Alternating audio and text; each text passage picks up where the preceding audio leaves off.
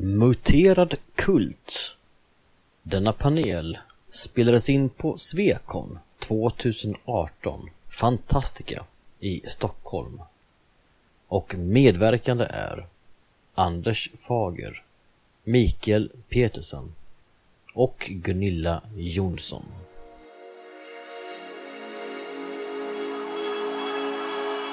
Svekon-poddar. En poddradio från svenska science fiction och fantasykongresser.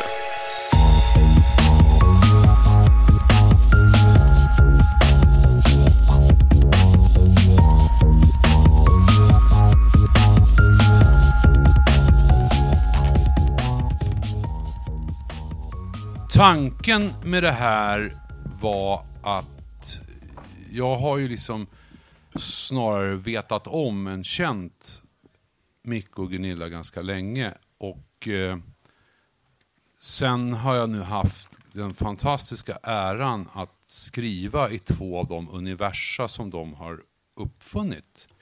Och eh, sen har vi liksom lärt känna varandra nu senaste, ska jag säga, året? Ja, Och ungefär så. Det har slagit mig flera gånger att de samtal vi har haft över en öl, eller medan vi har väntat på att göra något tramsigt i TV, har varit mycket intressantare än de samtal vi då har haft i TV. Så att tanken var väl, jag sa det, vi behöver nog ingen moderator, vi gör det här, liksom, pratar lite själva. Och för er, som, för er som då inte har antecknat så Micke och Gunilla har skapat de två mest, vill jag påstå, utanför Astrid Lindgren och Rune Andreasson, mest långlivade och, eh, vad ska man kalla det för, fruktbara, eh, fantastiska universa som vi har i Sverige. Det är två av våra mest livs, livsstarka IPn. Eh, som båda två kommer ur rollspel, alltså rollspelet MUTANT som har muterat, obs skämtet, i ett antal olika inkarnationer och varit i rymden och just nu är aktuellt som dataspel och med rollspelet MUTANT år 0 där man går tillbaks till att säga en, en liksom tidigare apokalyps. Det, det är bara postapokalyps för att MUTANT från början. Postapokalyps med talande djur och robotar Mm. i svensk miljö. Och från början var det nog snarare post-post-apokalyps när man kommer till den punkten. Och det där är ganska viktigt i en begreppsvärld. För att är det, post, är det apokalyps, då gäller det att överleva undergången. Är det post-apokalyps, då är vi i den där fasen där vi har tagit på oss hockeyskydd och BDSM-implementa, skaffat bilar, flyttat ut i en öken och slåss om bensin. För det, vi vi kommer inte på något vettigare. Eh, är vi i någon sorts post-post-apokalyps Så har vi så... muterade björnar som kör små vagnar och har små gulliga barn med hagelbössor. Men de är också småföretagare och, och fungerar i något slags kontext. Eh, vi kan väl säga att alltså, världen börjar fungera igen, fast på något annat sätt. Det skapas nya gemenskaper när alla kommer på att de egentligen är muterade björnar.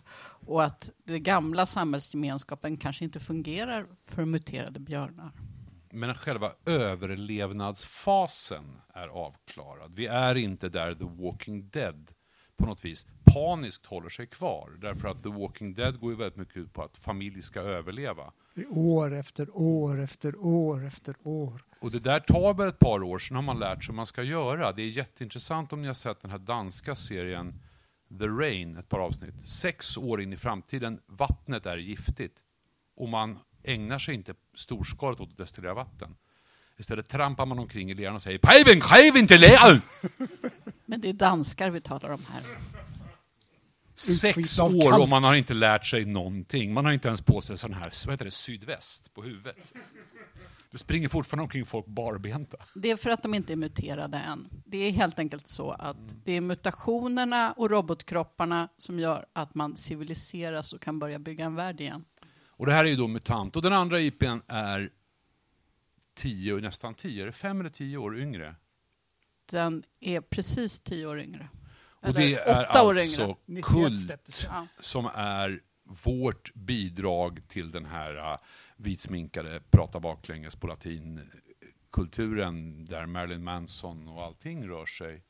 Som var ett enormt inflytelserikt spel på sin tid i en slags svart, magisk, väldigt, väldigt Sisters otäck- of Mercy. Sisters of Vi Mercy. förstod att nyliberalismen skulle snart behärska verkligheten och vi skulle störtas ner i ett svart mörker.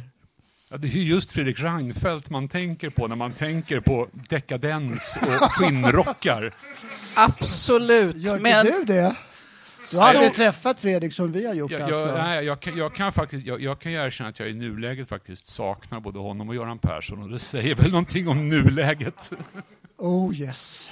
Men det är en IP som också är, och MUTANT är, eh, glatt humör och björnar med hockeyskydd så är Kult nattsvart. Och det är två, nej, jo, det är det. Eh, men det, det, det är två det är väldigt... Det är två väldigt olika IPn. Och eh,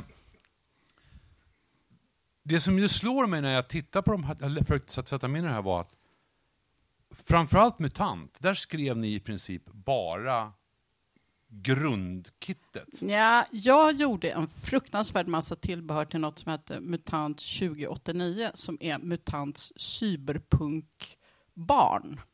Som utspelar sig i svarta storstäder efter Gärna Berlin. gärna Berlin, sedan landsbygden har ödelagts och de sociala klyftorna är fruktansvärda och alla har motorcykelställ och skjuter på varann och rånar snabbköp.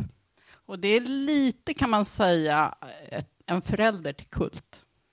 Ja, det finns en steg där, för att det här MUTANT, för er som inte har antecknat, det, det tar en väldig massa inkarnationer. Det muterar. Det åker ut i rymden, Ja. det får barn med, med Warhammer 40K skaffar axelvaddar och blir lite politiskt tveksamt.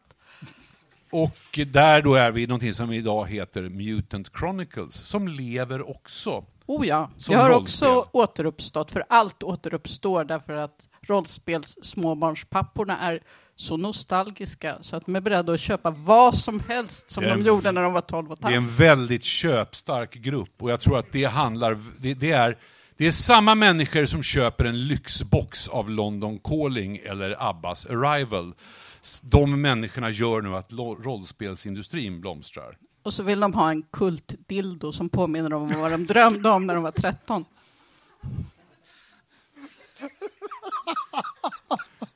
För de som vill kan jag rita en sån och lägga upp på Instagram. Bette Duckler. Jajamän, den har allt. Fram och bak och en massa verktyg man kan fälla ut. Eh, Som en schweizisk armé-dildo. Ja. Och, men hur känner ni just med Kult, förlåt, med MUTANT, som har dragit iväg åt alla håll och kanter. Känner ni idag sådär att wow, det här är inte vår, det är klart det inte är er vision längre. Skulle ni vilja gå in och jobba i det idag? Vi blev faktiskt kontaktade av Helmgast som... Mutant, var det det? Ja, MUTANT. Frågan Alltså, gäller MUTANT. MUTANT. Björnarna, Ja. inte dildon. Inte dildon. Ja, men MUTANT har vi ju inte varit i närheten av på länge och ja, kanske. Om rätt företag, Fria Ligan, hör ni det här? Ställer en fråga till oss om någonting så är vi inte helt oävt inställda till att författa någonting av något slag. Men det måste vara mycket björnar med. Ja, Jag tror att jag har med en björn. En expansion. Ja, när Men vi, björnar. björnexpansionen. Men, men, men hur känns det när man sådär tittar på det och tänker MUTANT år 0, som är en jättefin produktion. Känns det så här som att det här är mitt barn fortfarande? Att det har växt upp och, och fått skinnjacka? Barn. Barn, kanske lite. Jag menar, för oss så tror jag att det vi absolut inte tålde var mutant rymd. Det kan vi bara glömma, tycker jag. Och det var alltså ett mellansteg mellan den här cyberpunkvärlden och det som sen blev Axel Klafs Infernot Mutant Chronicles. Precis, Mutant Chronicles är lite bättre, även om sina favoriterna borta från det. Men ursprungliga MUTANT tycker vi om. Vi, eh, vi tycker det är helt okej med MUTANT 2, det här som kom. MUTANT Rymd glömmer vi. Mutant Chronicles kan vi väl prata lite tyst om. Men sedan så kom ju faktiskt MUTANT Undergångens arvtagare som var MUTANT som vi hade gjort det fast nu helt plötsligt med ett drag av 30-talets pilsnerfilmer. Vilket var en väldigt lyckad kombination. Det kan låta absurt men det blev väldigt bra, fick ett eget liv. Och De får kom... det att fungera på något vis. Ja. Håller balansen. Och de hade långa fina kampanjer till det som man kunde spela. Där sen... skiner ju verkligen det här att en ny verklighet har uppstått. Mm. Och den är märkligt lik det svenska 40-talet. Av någon anledning blev ju cylinderhatt jävligt inne precis före apokalypsen. Och det är väldigt mycket steampunk mitt i alltihopa. Ja. Och sedan kommer Mutant år 0 som vi också tycker bra om. Men för, för oss är det lite en fråga om att vi släpper saker och ting när vi är klara med dem. Ni nämnde ju att det var ett praktiskt sätt att förhålla sig till Fredrik Malmberg som då drev äventyrsspel för att Fredrik är lite som har att göra med väldigt energisk terrier. Eh, och att man, ja. Ja, det, det, jag tror att vi och Fredrik har samarbetat på ett bra sätt därför att vi inte vi skapar inte onödigt eh, sentimentala band till saker vi har gjort. Och vi är inte så långsinta om, när vi har rykt ihop med någon. Vi har ju pratat om att, när man, att MUTANT mer eller mindre var ett beställningsjobb. Och nu är det här, för er som kan era rollspelsvärldar, men det finns en, en, en sorts undergångsapokalypshistoria. Det är Mad Max någonstans till den eran. Och, och, då finns det dels ett rollspel som heter Metamorphosis Alpha som utspelar sig på ett sånt här generationsskepp. Ja, det stämmer. Och sen kommer strax efteråt någonting mer generiskt. Amerika har gått under som heter Gamma World. Och i båda fallen så är ju katastrofen sedan länge skedd. Just Metamorphosis Alpha har jag faktiskt hemma någonstans, men det var ju mera... De börjar bli värda pengar. De, de börjar bli värda pengar, men Gamma World däremot var ju lite där vi plockade humorn i Mutant ifrån. Och Gamma World är ett Dungeons and Dragons derivat. Mm. Så Gamma World kopplade till en sorts fantasy skojfrisk, eh, genreöverspännande tradition som fanns i SF på 70-talet också, där science fiction och fantasy blandades. Och vad ni gör, vill jag påstå, är att ni någonstans gör det här svenskt. Ja, det, ja, det stämmer. All postapokalyps känns som den måste ju utspela sig någonstans. Och den har ju drag av att man ska upptäcka det som har varit. Så då måste ju någonting väldigt specifikt ha varit, gärna någonting man vet någonting om. Så det finns en poäng med att den inte utspelar sig i Peru? Vi vet ingenting. Ja, hade vi varit från Peru hade den ju utspelat sig där muterade lamor. Ja, speciellt stora jävla marsvin ja. med, automatkarbiner. Köttätande marsvin som anfaller. Mm. Ja. Eh, har ni sett, är det någonting idag ni skulle vilja tillföra till den här post-postapokalypsen som det ändå är? Är det någonting som ni känner att men om vi hade gjort det här så hade det blivit annorlunda? Du menar som den har skrivits nu? Ja, senare? om vi säger de här, båda de här som är väldigt fina utgåvor, År 0 och eh, Undergångens arvtagare. Känner ni att oh, men de, det här är ju bra, men har ni någon sån? Känner väl lite att de planerar faktiskt att göra en eh, bakgrundsmodul, ett helt nytt spel kanske som ändå är Pyresamfundet 25 år senare. Och det låter lite spännande som någonting som kunde vara trevligt att komma tillbaka till. Det är ändå MUTANT år 0, ni som inte har antecknat. antecknat det eller inte har googlat det tidigare. MUTANT år 0 är ju ett spel som utspelas precis när folk kommer upp ur de här bunkrarna som de har gömt sig i under kriget. De kommer upp först som människor och sen upptäcker de att massa djur har muterats och blivit tänkande och börjat gå på bakbenen, eh, var björnar och hagelbössor. Och, och, det är inga samhällen förutom de här enklaverna. Liksom. Ja. Sen har ju djuren börjat i Genab Alfa att ha samhällen och sen sprida sig i världen och sen gradvis så uppstår grunden till det MUTANT vi gjorde ursprungligen 1984. Så att man kan säga att MUTANT år 0 är vårat spel fast 200 år tidigare.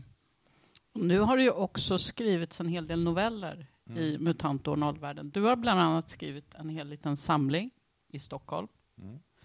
hur kändes det? Har du spelat MUTANT? Jag Frågar har jag spelat eh, mindre rollspel än folk tror. Eh, men däremot har jag spelat MUTANT, och framförallt Undergångens arvtagare har jag kört några gånger. Och det, är för, det är också för att jag har en begränsad inlärningsförmåga, så att jag kan det här spelsystemet. För det är ganska generiskt, det finns i ganska Det är många väldigt spel enkelt. jag tycker om. Till, till och med människor i Anders och min ålder kan läsa in det här från början. Ni förstår, liksom, det står en rollator och en tärning. En Nej, men det, var, det var faktiskt eh, så här, wow, jag ska, spela, jag ska skriva för MUTANT och det kändes verkligen så här, oh, nu, nu är jag stor. Och det var, det var förvånansvärt lätt att gå in i det. Och, för att det kändes som att det är en kollektiv fantasi som är väldigt lätt. Hade du den fantasin från, från tidigare, från när vi gjorde rollspel? Både du och vi gjorde rollspel i början på 80-talet. Nej, Hade du en bild av MUTANT, eller fick du den i MUTANT år 0? Här? Jag, jag, jag satt nog, medan jag jobbade med speldistribution där på 90-talet och samlade på mig de här undergångens arvtagare. Det är där jag liksom utgår ifrån, den här alla cylinderhattar och grejer. Mm. Det var där jag började. Sen insåg jag, nej det är inga cylinderhattar, skit. Eh, Hur men- förhöll du dig till det då? Ja, när du kände att, hur begränsade du dig? Nej, men det det har var- vi det ofta ju- svårt att göra. Vi Nej, men det var ju stadsbildningarna. Alltså det var ju det här att, att i den senare versionen, då, det här, i den här undergångens arvtagare, så är det post-post-apokalyps. Det finns samhällen, det finns en stat någonstans. Det finns det också originalmutant. Ja, och det är, ju, det är ju det här för er som funderar runt sånt här, att vi kommer ju, när de här, vad ska vi kalla det för, enklaverna har klarat av sin dag-till-dag försörjning, när hur dör vi inte är, längre är den centrala frågan. Då börjar det här bli spännande för att, vänta nu, om vi, vi har en läkare och de där nere i, på Gullmarsplan, de har en jävligt duktig elektriker. Tänk om vi skulle kunna byta så här, oh, handel eller idéer. Och hur, hur rör man sig då i det här om? Vad, hur, hur blir det säkert? Vems problem är det att det är säkert för läkaren att lämna den här fästningen? Anders är militär i det civila, eller hur man säger. Det här är han också. Eh, eh, Men, eh, nej, men så det blir ju någon slags, det, det blir ju någon slags men så här, vem äger problemet? Vem ger lagen? Och det är ju spännande med, liksom, med hur, hur då förhåller man sig till de här statsbildningarna. Och i en viss sorts postapokalyps så är det ju alltid så här att man har ett antal spelkort. Okej, ni blir nazister, ni blir så här rock'n'roll-kapitalister, ni är hippies och ni blir kommunister och ni, ja vad det nu kan vara, och ni är ett mc-gäng. Och, ni, så här, och det, vart, det är väldigt så här stereotypa Ja, och det känns också som du förhöll dig till landskapet. Och det måste man ju göra i en postapokalyps. Mm. Det gjorde ju vi i det första MUTANT i väldigt hög grad. Hur kände du inför Stockholms karta, så att säga, när du Det skulle hade vi en del problem med. Vi undvek att placera det i Stockholm just av den anledningen. Ja, Jag, jag bor ju typ 250 meter från köphuset. Ja. Jag Jag tror den är för liten för atombombning. Basically, ja, den fanns inte med. Alltså på, på 80-talet när vi var unga, jag vet inte hur det var, det är fler här som var med om detta, men när vi gick i skolan så hade vi atombombningsövningar där man talade om för oss hur vi skulle dö, hur lång tid det skulle ta, hur plågsamt det skulle vara, om vi skulle vara blinda, när vi skulle, håret skulle ramla av. Jag är från Södertälje och där var Scania något sådär strategiskt mål. Så vi hade, de visade på kartor liksom så här koncentriska cirklar. Mm. Nej, det är kört för er. Blombackaskolan ligger ju här. Jo, jag, de måste vara väldigt stråltåliga. Det är ödlor. Ja, men vi hör vad han säger. Eh, vi är inte fler än så. Men, nej, men det var väl lite såna... Och jag tror att i, i framförallt undergångens arvtagare så är det ett ganska tydligt att Stockholm är någon slags badland. Och gör man en socioekonomisk analys av det här så går det inte att bo på Sergels torg i postapokalypsen. För det finns inget att äta. Vi tog lite Eskilstuna för att det låg bra till. Det borde klara de flesta tactical nukes, de flesta strikes. Och området omkring, det borde ha ett rätt stort område som var strålfritt i närheten. Där det går att odla. Där du kan odla mat, Mm. du kan ha boskap, det finns någonting att komma upp till. Men annars om du kommer upp i Stockholm efter eh, 70 år och säger hoho, så 30 sekunder senare är du död. Eller så tänker du, vart går vi nu? Jag har ju förlagt en enklav här precis under oss. I eh, Kaknäs sista band som heter då, ja, den heter Dieseln. Och därifrån kommer Margit Mo som är en äventyrerska som jag skrivit om. Margit Mo Diesel. Hon upptäcker eh, Bagarmossens tunnelbanestation. Ehm, Sen dör hon plågsamt tror jag. Va? Nej, men det har dött rätt många på Bagarmossens tunnelbanestation. Eh, ja.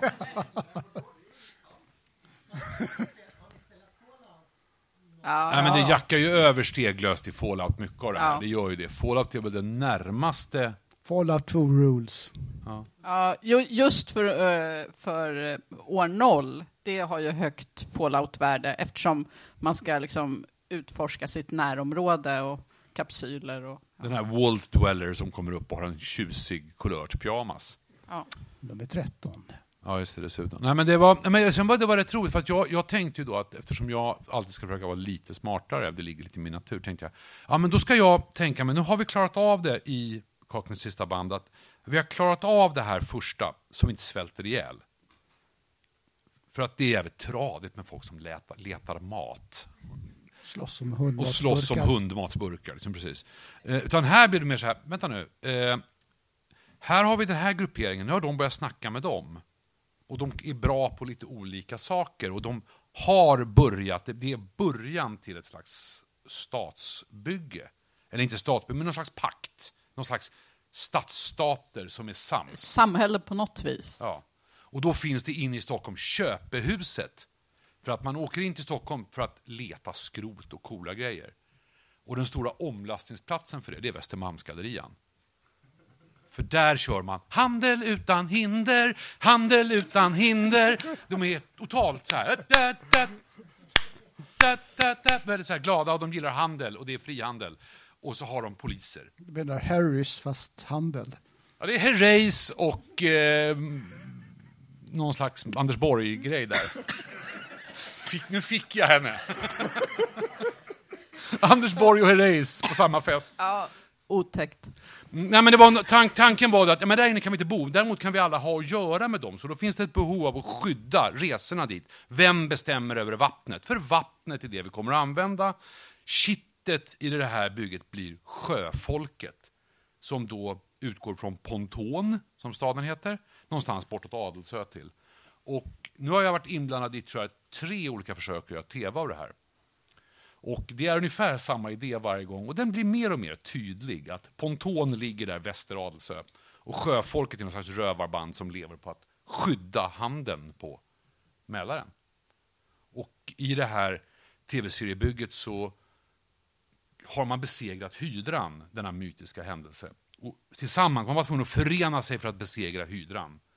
Och ut ur det kommer ett par av de här krigarna och tänker, fan, det var ju rätt coolt att vi hjälptes åt. Tillsammans med Captain America. Ja, typ. Ja, men lite sådana figurer. Och att, eh, men tänk om vi åker hem till våra respektive hövdingar och säger att fan, det här med en pakt är en rätt cool idé. Och där någonstans börjar vår, den här tv-seriesynopsiset. Och att man sen försöker hitta, men hur ska det här gå till? Och man gifter två jävligt ovilliga barn med varandra då för att det ska bli en Ni hör att. Anders håller på att förvandla MUTANT till fantasy.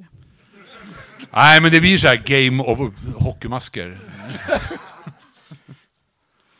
Ja. Ja. Ja, men då, ja. Ska vi gå vidare till ja. tentaklen, höll jag på att säga. Den, den, ja.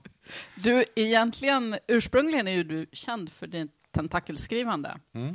Att du förlas H.P. Lovecrafts Cthulhu Mythos i Sverige, Mm. eller hur? ja. Hur tänkte du där? Har du läst Lovecraft mycket? Eller var du fascinerad? Eller tänkte du bara det här verkar Jag säljande? kommer ju det här, de här rollspelsmänniskorna som satt och tänkte när Cthulhu kom, det finns ju nästan ett före och efter Cthulhu, kanske mer än... Ja, det, är som, det, är som, det, är, det är som viss musik, att verkligen säga, ja, där börjar något. Har du spelat de här stora Masks of Mm, Nyarlathotep? Delar de här? av det, men det, det, framförallt så är det någonting, det som var så enormt stort när det kom, det var att man inte bara gick ner i en genetisk, generisk grotta och vem håller facklan?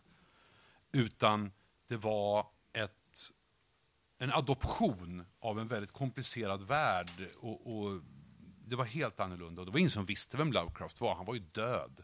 Så du hade inte läst några mycket Lovecraft-noveller tidigare? Innan dess?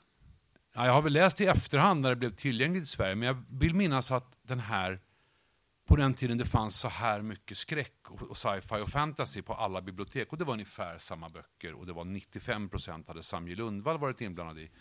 Eh, så fanns det någonting som heter Skräckens labyrinter. Den och Case of Charles Dexter Ward tror jag han översatte Ja, just det, den översatte han. Och Eller var, Gunnar översatte. Det var ju... Det var ju... Jag vet inte, jag tror jag läste något av när jag var precis rätt ålder, typ 12. Ja. Det är då man ska läsa Lovecraft. ja, jag var också förtjust i Skräckens labyrinter när jag var 12. The Hound, vill jag minnas att jag, mitt, mitt redan då avsevärda hundhat spyddes på. Hundar som är så fina. The thing on the doorstep. Mm. Ja, men det var, det var något, men sen, sen hade man i de här rollspelen, så här, men det här måste ju, måste ju allt det här vara i, i liksom New England. Det är ungefär som varför måste alla rymdvarelser med någon slags målsökande krascha i New Mexico? Det är så jävla färglöst. Det finns ju ingenting i New Mexico. Det måste- kan ju bero på att H.P. Lovecraft bodde i New England. Ja, det är väl en rimlig förklaring. Men eh, man satt någonstans och tänkte, men kan inte det här... Det måste ju finnas såna här fiskmänniskor i Göteborg också. Det skulle ju förklara sig väldigt mycket. Och, Så- och där någonstans, så det är något gammalt skämt. Som Och du liksom, utgick lite mer från spelet än från Lovecrafts noveller. Ja, det vill jag påstå. Eller den här, sen är ju Lovecraft, kanske man kan tycka väldigt mycket om Lovecraft, som både som författare och människa, men han, vad han gör som är ganska speciellt, det är ju att eftersom han är fullständigt oförmögen att tjäna pengar så har han inga, ingen begrepp om copyright eller någonting. Så han uppfinner ju någon slags kollektiv IP som faktiskt ingen äger. Och som väldigt många nu har låtit mutera på samma sätt som MUTANT har muterat. Ja, verkligen. Och det, det är lite fascinerande, för att alla efter det, eh, på Marvel Comics, DC, vad det nu må vara. Med Ja. sina böcker. Som för övrigt är väldigt läsvärda. Det finns en massa, men just det att senare kollektiva fantasier som superhjältar och sånt, de är det ju någon som äger. Ja. Det är därför Stan Lee är så himla rik. Han har koll på pappren. Men det är också så att H.P. Lovecraft, i och med att ingen äger IPn och skyddar den, har dekonstruerats på senare år. Ja, oh ja. The Dream Quest of Bo Well, unknown Cabal. Lovecraft Country. Man har, många författare har tagit tag i det faktum att Love, mycket av det Lovecraft skrev var xenofobiskt, genofobiskt, rätt så sunkigt. Ja, det är fruktansvärt sunkigt. Hur, har du förhå- hur förhöll du dig till det när du började skriva om de här kulterna? Här är en sunkig författare som är rasist, genofob och Alla möjliga fob. alla han, är ju, ja, men han, alla, är, han täcker in hela ja, fobspektrat. men han, är liksom. han är ju en sån här som min son kallar för basement dweller. Eh, som eh, sitter i en källare, ungefär som Breivik, och hittar på spännande fantasivärldar. Och det får man någonstans... En senare tid har han kanske varit Unabombaren, eller någon sån här stolle på 4chan, eller någon som hittat på spännande grejer om chemtrails. Sen har han ju en massa andra märkliga grejer för sig. Han, han är ju gift ett varv med en judinna och han har någon lång vänskapsrelation med en säkert 30 år yngre pojke. Det har det skrivits en roman ganska nyligen om faktiskt. bra roman om, en riktigt bra roman om den relationen. Så många fascineras ju av den här gestalten. Ja, Hans, han, är, han, är eh, ju, han är ju liksom... kom- Kanske för att, som du säger, han påminner om en massa lite så här skräckfigurer som nu dyker upp i Mm. media. Sen tycker jag det är jättesvårt att förhålla sig till om jag liksom ska försöka resonera kring det. En kille som sitter på 30-talet och leker att han är på 1990, alltså 1900 i någon sorts föreställningsvärld. Jag vet inte om jag... jag menar, det är klart att inte jag behöver tro på allt han säger. Det är faktiskt inte svårare än så. Nej, men hur kände du när du började skriva? Kände du att, är det här, hittade du basement dwellern i dig själv? Nej, faktiskt inte alls. För att jag är så väldigt annorlunda mot honom, har jag en känsla av. Jag bor på en vind. Räcker det? Ja, det börjar väldigt annorlunda. Man ser ner på människor. Och, eh, nej men jag, jag, Jag behövde, jag behövde, när han såg upp på dem, moster, kommer du ner med mat igen? Oh. Jag är mer sådär, nu slåss de utanför Lidl igen. Pack! Nej, men det, jag, vet, inte, men jag har aldrig så här, det var, det, jag är en ganska modern människa med ganska moderna värderingar och jag känner inte att det var någonting som jag behövde ens fundera över. Det är klart att en del av mina karaktärer är rätt inkrökta typer. Eh, och precis så fördomsfulla, eller rasistiska eller sexistiska som en del människor idag. Men det är, jag tycker inte berättarrösten är det. Och att man också... Däremot, om man lämnar Lovecraft helt så är det ju ett, ett knep jag använder helt frikopplat från honom. Det är att spela på människors fördomar. Att använda miljöer eller signaler som säger något för de flesta, men sen är någonting helt annat. Vi använder ju i MUTANT Sverige som ett landskap för att skildra en post-post-apokalyps. Mm. Vad kände du rent landskapsmässigt i fråga om terräng, städer, människor? Hur kände du att kopplingen mellan Lovecrafts New England och ditt Sverige fungerade?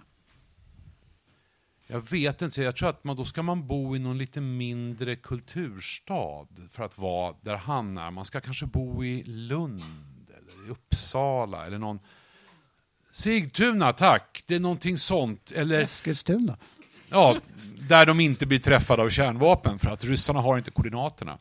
Eh, nej men någonting sånt, alltså, han skulle nog bo i en mindre stad, han skulle bo kanske uppåt Höga Kusten, Härnösand eller vad heter Så det? du känner att du har inte plockat den delen Nej. av hans... Nej, för han är, ju, han är ju också en småstadsmänniska. Jag är väldigt urban vill jag påstå. Och det var väl en av mina... Det enda som egentligen är exotiska småstaden i mina historier, det är ju de här kannibaltjejerna i Borås. Som är recurring feature.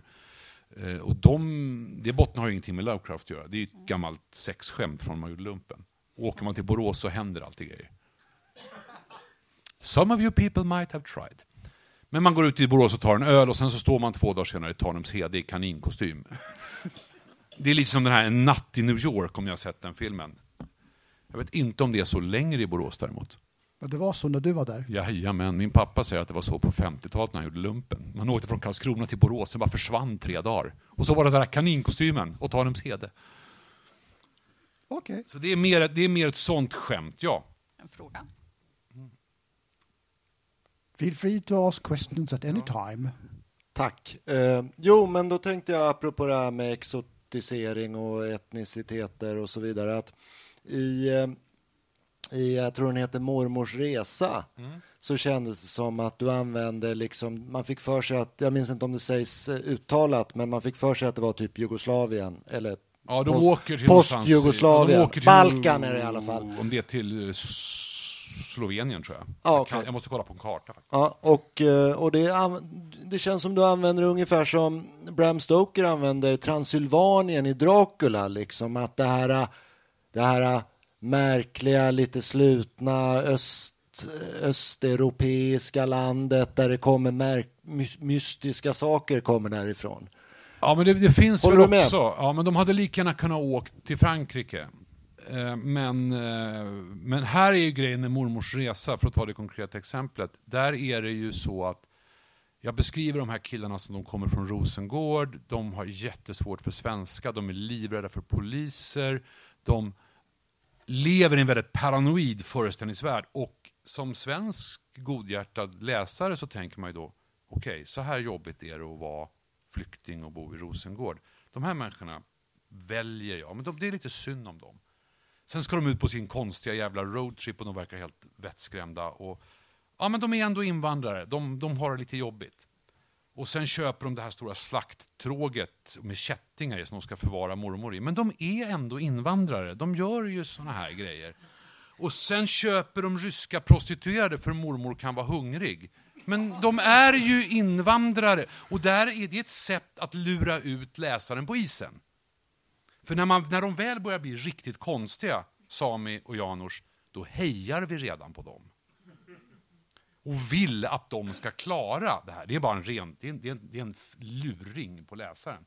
Samma sak som att eh, det är en historia som utspelas på Östermalm och det tolkar folk in jättemycket. Jag valde bara Östermalm för att det är jävligt ödsligt där borta. Ja, Man väljer ju alltid en plats ändå av något skäl, inte bara. Liksom. Så känner jag när man skriver. Vi har ju valt Berlin väldigt tydligt. För. Ja, men då, och då kommer vi, det här har vi övat på. Vi har övat på det här, då kommer vi in på kult. At last. Kult är ju ett fantastiskt spretigt bygge och har... Det finns väl få svenska IPn som har ett sånt rykte på något vis. Det är ju så Det är bara Livets Ords förtjänst faktiskt. Och det här är ju en Det tog oss intressant... mycket pengar att få dem att göra det där alltså. För att det här Fredrik, ju- du skickade massa pengar till oss. Vi skulle, det är en hemlighet, så ni får inte berätta den. Nej, för att jag, vi satt i samband med att Orvar Sävström gjorde den här boken om äventyrsspel och vi pratade lite runt det där. att ja, Sen kom Kult. Och då sålde man, och som då Micke och Gunilla var liksom... Ska man säga att ni skrev alltihopa eller att ni var... Vi har skrivit allt. Vi har skrivit allt, vartenda ord. Men det, var, men det var väldigt mycket vad jag förstår ett, att det här och det här ska vara med. Det var en massa moodboards nästan. Nå, det var en massa moodboards från början. Vi vill ha den här stämningen. Vi vill ha med de här bilderna. Det var väldigt bildinriktat. Det här är ju ett skräckspel då, från tidigt 90-tal. Med Clive Barker-inspirerat med kättingar, köttkrokar, nakna kroppar. Tvångsmässig BDSM. Ja. Schweiziska armédillosar. Ja, men det, är väldigt, det är väldigt tidigt 90-tal. Ja. Och d- Madonna äventyrs- strut-bh. Äventyrsspel tyckte att deras målgrupp Det började fel. åldras helt enkelt. Och komma upp i 15-16 års åldern. Och Upptäcka sex. sex. Och, Och det här sammanfaller med Vampire. Ja, eller Vampire kom faktiskt ett halvår efter Kult. Mm. Så vi visste inte vad Mark Reinhagen höll på med. Men han satt väl någonstans och pratade med några andra om att de börjar upptäcka sex, rollspelarna, hörni. I Chicago Vad ska, satt de faktiskt. vad ska vi göra?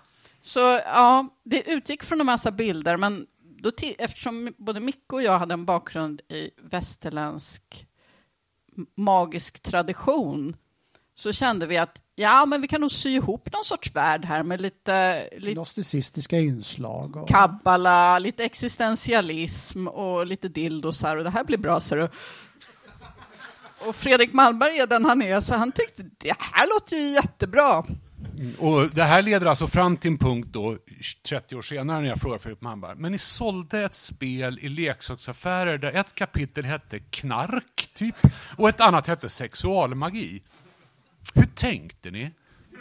Och Fredriks svar är typ, Tänkte? tänkte! Vi tänkte väl, ja det är för 15 år uppåt, vad, vad tycker man är spännande när man är 17? Knark, sex, våld, Ja, någonstans. Rituala magi. ritualmagi. Väldigt mycket svarta kläder. Och det här är ju alltså någonstans femte Cure-plattan. Det är väldigt mycket svarta överrockar och det är väldigt mycket så här. Åh, gud vad jobbigt det är att leva, jag är 19. Sisters of Mercy ska vi inte glömma. Sist Black Mercy är faktiskt viktigast. Vi återkommer till Sister Mercy ofta. Jag tänker nog mer Cures Pornography. Den går ut hårt med Does it matter if we all die och sen blir den jobbigare. Den är också väldigt bra. Ja. Men Andrew är Andrew. Ja. Ja, nej, men det här är, det här är en väldigt tydlig... Det här gick ju jag tillbaks till och skulle skriva i då för gudinnan. Och det var faktiskt, jag trodde att det här är piece of cake. Det här är ju bara att ösa på för jag är en rätt duktig Clive Barker-emulerare. Eh, och, men det var faktiskt svårare än väntat för det är väldigt mycket tidsdokument. Har du någon gång spelat Kult? Eh, ja, i någon sorts friformversion.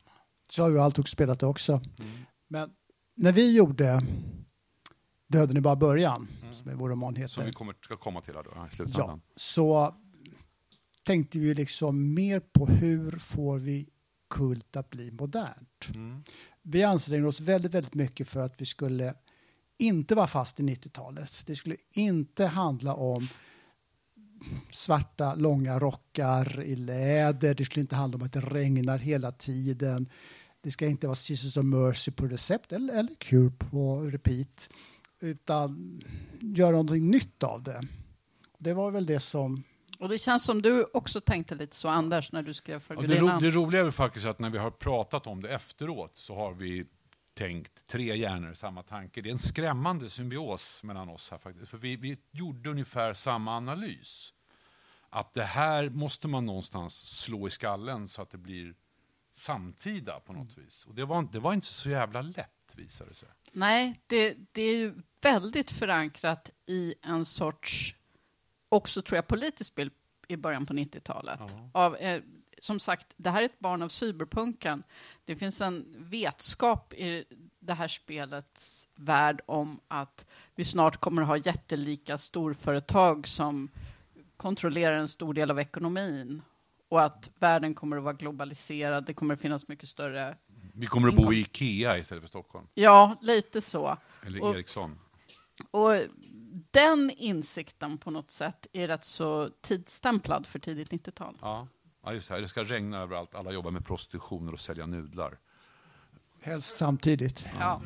Ja, men det är väldigt, liksom, tittar man, och det är rätt kul om man tittar på en tv-serie som Altered Carbon där man faktiskt bara har tagit Blade Runner och kör det idag. Alla jobbar med prostitution eller nudelförsäljning. Och det, blir rätt, det blir rätt mossigt. Det blir lite konstigt. Ja. Det, klarade Men det var, det var, för att liksom ta det här, det här är ju då en, en... Eh, hur har det känts? För att ni måste ju någonstans ha levt med det här på ett helt annat sätt än vad jag gjorde. Hur kändes det liksom att besöka sig själv som 25-åring?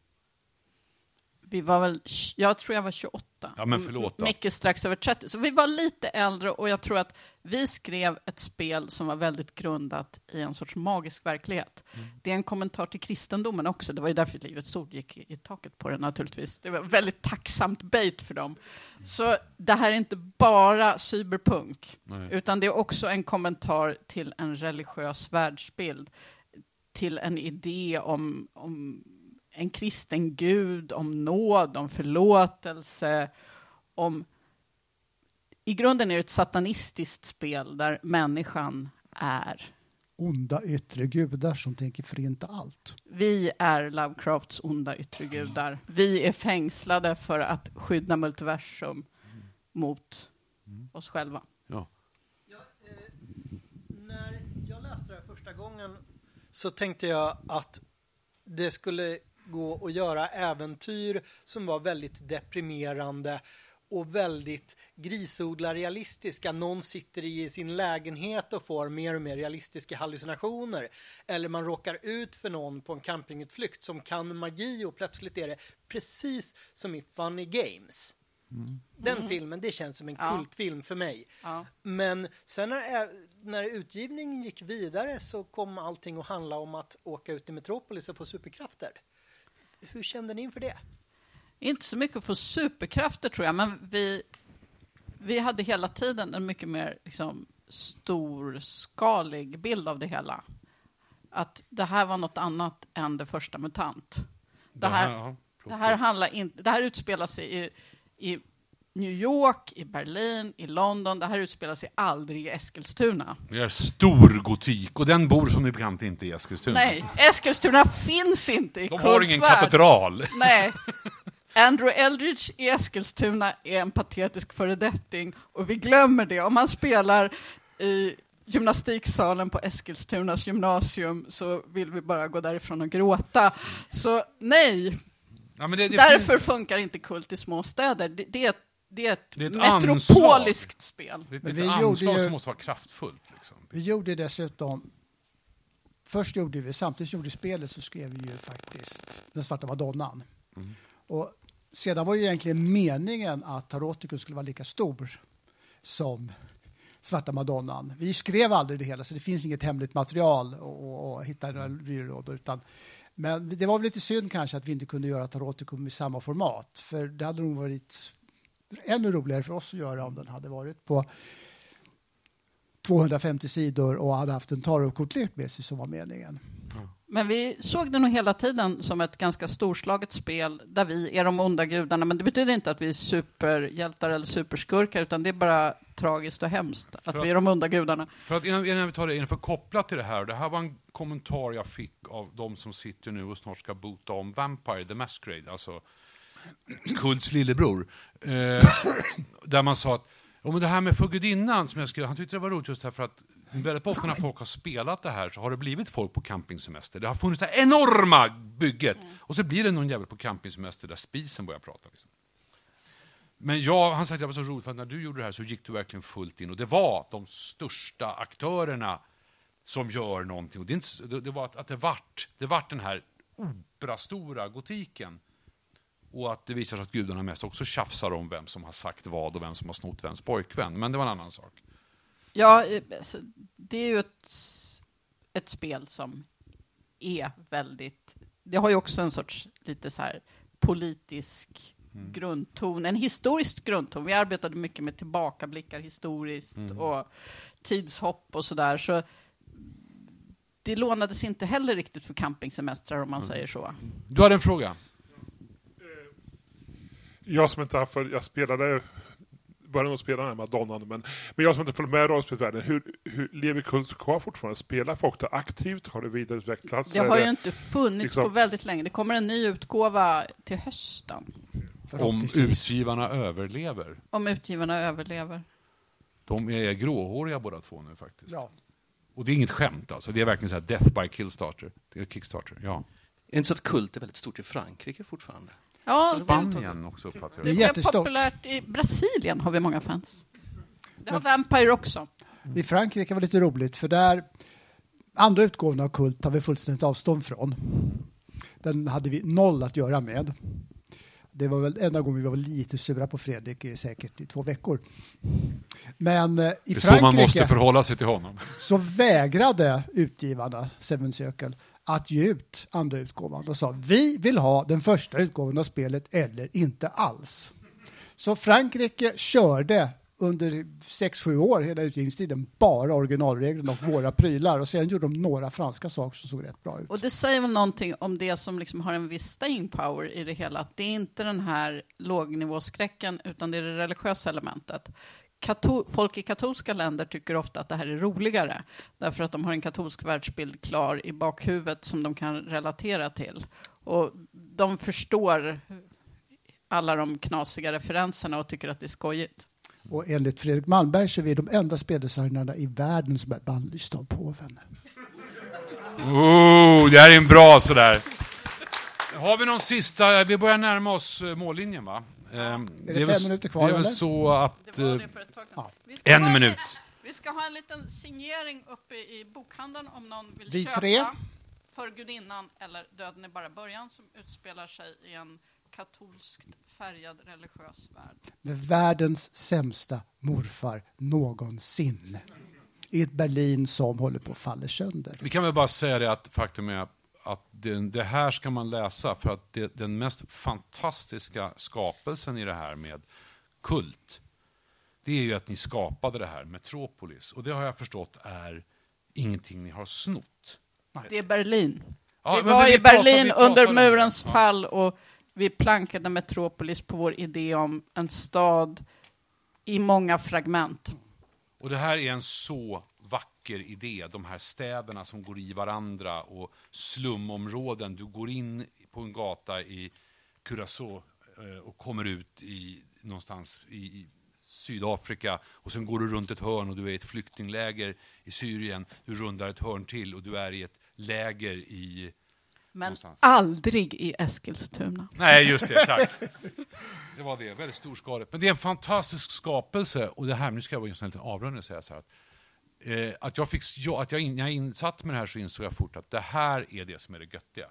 Det är Met- Metropolis. Och att ha fått gå på det, de gatorna eller på de irrvägarna som ni har skapat, det var verkligen det är det, det är det roligaste jag har liksom lånat eller fått vara med och leka med. Det är som att jag har fått låna de finaste leksaker någon har. Och det var jättehäftigt faktiskt. Det är jag väldigt glad över. Tack. Tack, tack.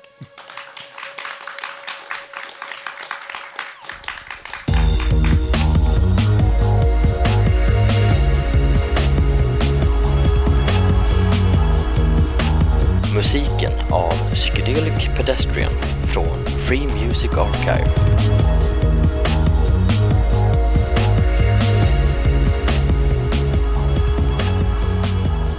Besök gärna vår hemsida på svekonpoddar.se